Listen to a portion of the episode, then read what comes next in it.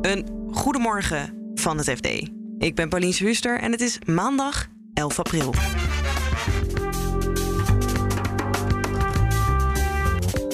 Cryptohandelaren zijn nog niet bang voor de concurrentie van traditionele handelshuizen. Ja, zij zeggen in ieder geval dat ze zich nog geen grote zorgen maken, omdat ze een voorsprong hebben. Ze hebben, ze hebben veel meer ervaring. En de staatssecretaris Fiscaliteit en Belastingdienst moet een oplossing vinden voor zijn box 3-probleem.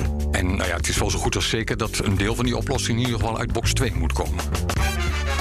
Dit is de dagkoers van het FD. Eind vorig jaar bepaalde de Hoge Raad dat onze vermogensrendementsheffing, de zogenoemde box 3, in strijd is met het Europees recht. En dus moeten spaarders gecompenseerd worden en kan de belasting niet geïnd worden. Een duur probleem voor staatssecretaris Marnix van Rij, vertelt redacteur belastingen Laurens Berendsen. Er zijn sommige mensen die roepen van uh, hij heeft misschien wel 20 miljard nodig, of, of, of misschien nog wel meer. Maar de meeste deskundigen gaan er toch vanuit dat het cijfer een stuk lager ligt. Kijk, hij moet uh, mensen compenseren die uh, sinds 2017 te veel belasting hebben betaald, volgens de Hoge Raad. En hij moet vervolgens ook nog een oplossing vinden voor, voor, voor, vorig jaar, dit jaar en de komende twee jaar. Maar dat zijn twee verschillende dingen. Maar er gaan cijfers rond van nou ja, ongeveer 4 miljard die hij in ieder geval moet terugbetalen over de afgelopen uh, vier jaar. Ja, en nu heeft hij zijn oog laten vallen op uh, box 2. Uh, wie worden er dan gedupeerd als die belastingen omhoog gaan? Nee, in box 2 daar zitten ondernemers met een eigen bedrijf, met een eigen BV. Maar er zitten bijvoorbeeld ook veel advocaten, belastingadviseurs en artsen die hun werk hebben ondergebracht in een eigen BV. En die worden allemaal belast in box 2. Dus die gaan daar dan uh, voor opdraaien. Ja, en uh, is daar dan genoeg geld te vinden om dat probleem op te lossen? Nou ja, kijk, als je de belasting maar genoeg verhoogt, dan is er altijd genoeg geld te vinden. Een probleem in box 2 is wel dat, uh, dat is een probleem en, en, en dat vindt men in Den Haag ook een nadeel. Dat belastingbetalers in box 2 vrij gemakkelijk het betalen van belasting kunnen uitstellen. Ja. Dus kijk, als je dat tarief heel erg gaat verhogen, dan zegt zo'n ondernemer gewoon van, nou ja, ik laat die winst niet uitkeren uit mijn onderneming. Die laat ik mooi in mijn onderneming zitten. En als die winst niet wordt uitgekeerd, krijg je er ook geen belasting over binnen. Dus als je te gek zou verhogen, dan uh, heeft het een averechts effect. Moet je dan niet juist de belasting in box 2 verlagen, zodat het geld wel allemaal uh, naar de fiscus gaat? Nou ja, dat is inderdaad ook een van de ideeën die, uh, die, die, door belastingdeskundigen naar voren zijn gebracht. Als je snel belasting wilt krijgen uit box 2, dan kun je het tarief ook verlagen. Want er, er zitten nog wat reserves in die BV's. En als je tarief, dat is nu uh, 25,8 procent, zeg ik even uit mijn hoofd. Maar stel dat je dat naar 20 procent verlaagt. Nou ja, dan kunnen die ondernemers, advocaten, artsen, belastingadviseurs denken van... ik ga nu snel de winst uit mijn BV halen... en dan betaal ik er nu dat lagere tarief over. En uh, nou ja, dan heb ik daar een voordeel bij. En, en dat, betekent, dat zou dus betekenen als je dat volgend jaar doet... dat de schatkist dan volgend jaar even flink wat meer belastinginkomsten heeft... Maar het is natuurlijk wel zo dat zijn belastinginkomsten die je naar voren haalt. Dus op de langere termijn uh, loop je dan weer belastinginkomsten mis. Ja, dan heb je in absolute zin nu even een voordeel. Ja, maar ja. Het, helpt, het helpt vooral als je snel even wat extra belastinggeld wilt genereren. Maar is het aan zich wel een logische keuze, die box 2, om daar de belasting wat omhoog te doen? Nou ja, het is, op zich is het geen logische keuze in zoverre dat het probleem dat is ontstaan, dat is in box 3 ontstaan. Daarvan heeft de Hoge Raad gezegd, um, dat is een belasting op basis van een fictief rendement dat mensen behalen met sparen of met beleggen.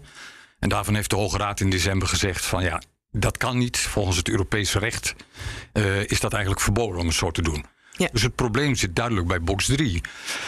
Maar goed, uh, de, het alternatief dat Van Rij heeft om, is om te zeggen... dan probeer ik uit box 3 wat extra weg te halen. Maar ja, dat wordt natuurlijk helemaal uh, lastig. Want de rechter heeft nou net gezegd... dat de mensen in box 3 te veel hebben betaald. Dus vandaar dat hij nou naar box 2 kijkt. Maar ja, het is niet echt logisch. In de zin van het probleem is niet daar veroorzaakt. Nee. Dus waarom dan wel daar, daar naar kijken? Is er al wel langer discussie over om box 2 dat, dat de belastingen daar te laag zouden zijn? Ja, ja nee, dat, is, dat is inderdaad de reden dat hij nu toch naar box 2 kijkt. Kijk, er zijn al een aantal studies verschenen, wat ik net al zei. Uh, er zijn veel mogelijkheden in box 2 om belastingafdracht uit te stellen. En daar wordt ook veel gebruik van gemaakt. En er zijn ook wel mogelijkheden om, nou ja, door toch uh, slim te plannen, je belastingdruk flink omlaag te brengen. En uh, met name de linkse oppositie in Den Haag dringt er sterk op aan om, uh, om daar nou eindelijk eens een, een eind aan te maken. Ja, en, en wanneer wordt de definitieve knoop doorgehakt? Hij heeft beloofd om voor Pasen met voorstellen te komen om dat probleem in box 3 op te lossen.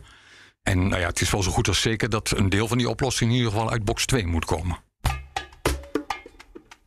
En dan gaan we naar de beurs. Na het doldwaze jaar 2020 viel 2021 een beetje tegen.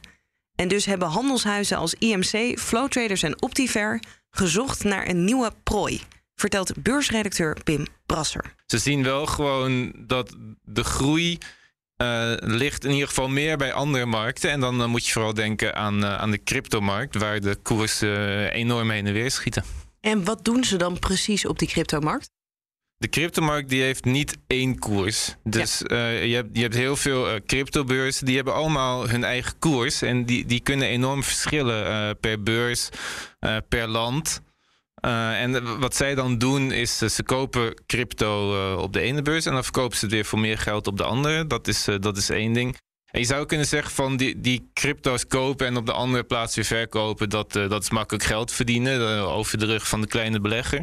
Maar het is wel heel erg belangrijk voor de liquiditeit van de beurzen, omdat cryptomarkt is er soms niet genoeg vraag en aanbod. Dus als jij bijvoorbeeld een, een bitcoin uh, wil verkopen, dan ja. moet er ook een andere partij zijn. Nou ja, Iemand moet het willen kopen. Ja, precies. Ja. En, en, en zij, zij handelen heel veel. En zij zorgen dus ook wel uh, ervoor dat er, dat er meer vraag en aanbod is. Wat wel heel belangrijk is voor, uh, voor het functioneren van de, van de beurzen. En als we naar die handelshuizen kijken, is het dan zo dat dit al een enorm onderdeel is van de pakketten waarin ze beleggen? Of? Nee, het, is nu nog heel erg klein. Dus, uh, dus IMC die heeft bijvoorbeeld vorig jaar een, uh, een, een Amsterdams uh, handelshuis opgekocht voor, voor 15 miljoen. En dat, dat gaat dan nu om nou, echt een fractie van, van hun uh, totale activiteiten. En, dat, uh, en de Optiver die, die uh, doet zelf nog niet eens in crypto, maar die hebben dan wel een belang in, in een handelshuis. Die zit wel in crypto opties. Dus het is nog heel erg klein, maar de verwachtingen die, die zijn enorm. En je, je ziet ook dat, dat grote Amerikaanse partijen die zijn ook al ingestapt. En je ziet ook dat de, de van oorsprong de de cryptohandelshuizen die dit al jaren doen, die zijn hier ook ontzettend rijk mee geworden. Dus de verwachtingen die zijn groot. Handelshuizen die dus al in de crypto zaten, hoe vinden zij deze ontwikkeling? Ja, zij zeggen in ieder geval dat ze zich nog geen grote zorgen maken, omdat ze een voorsprong hebben. Ze hebben, ze hebben veel meer ervaring. Aan de andere kant is het wel zo dat zeg maar, de, de grote handelshuizen, die, die gewoon uh, de, de traditie die, die in de traditionele aandelenmarkten zitten, die hebben natuurlijk wel uh, veel meer mankracht, veel meer kapitaal.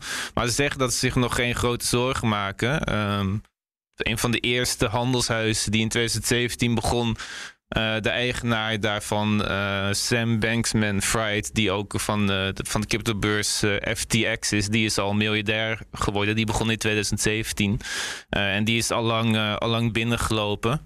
Uh, dus ook zij hebben inmiddels wel redelijk wat, uh, redelijk wat middelen. En uh, de, ze zeggen van er is genoeg te halen voor iedereen. En is het nou ook een teken dat de cryptomarkt wat volwassener wordt? Dat dit soort handelshuizen ook instappen? Nou, dat zeggen ze wel. Ze zeggen van ja, we vinden dit heel belangrijk om te doen. Want er moet gewoon meer, meer transparantie komen. Dus ze willen nu ook uh, alle koersen van, uh, van alle beurzen willen, willen ze op een uh, gezamenlijke blockchain gaan zetten. Zodat die voor iedereen toegankelijk zijn. Zodat iedereen snel daar alle koersen kan zien. En dan krijg je dus als het goed is ook. En ze zeggen dat dat hun doel is. Dat, dat de verschillende koersen op de verschillende beurzen. Uh, dat, dat dat allemaal dichter naar elkaar toe gaat. Dat die, die verschillen dat die kleiner worden, zodat het allemaal voor iedereen eerlijker wordt. Dat is een beetje hun doel. Maar is het daarmee niet ook dat je er weer minder geld aan verdient? Ja, ja dat klopt. Maar hun doel was ook om daar heel veel geld mee te verdienen. Hoe, hoe dat, moet dat zeggen dan... ze niet, maar dat, uh, dat, ja, dat is natuurlijk wel zo. Maar zij zeggen ook van ja, wij willen ervoor zorgen dat, uh, dat de markt goed functioneert. Dus wij willen die, die verschillen juist verkleinen.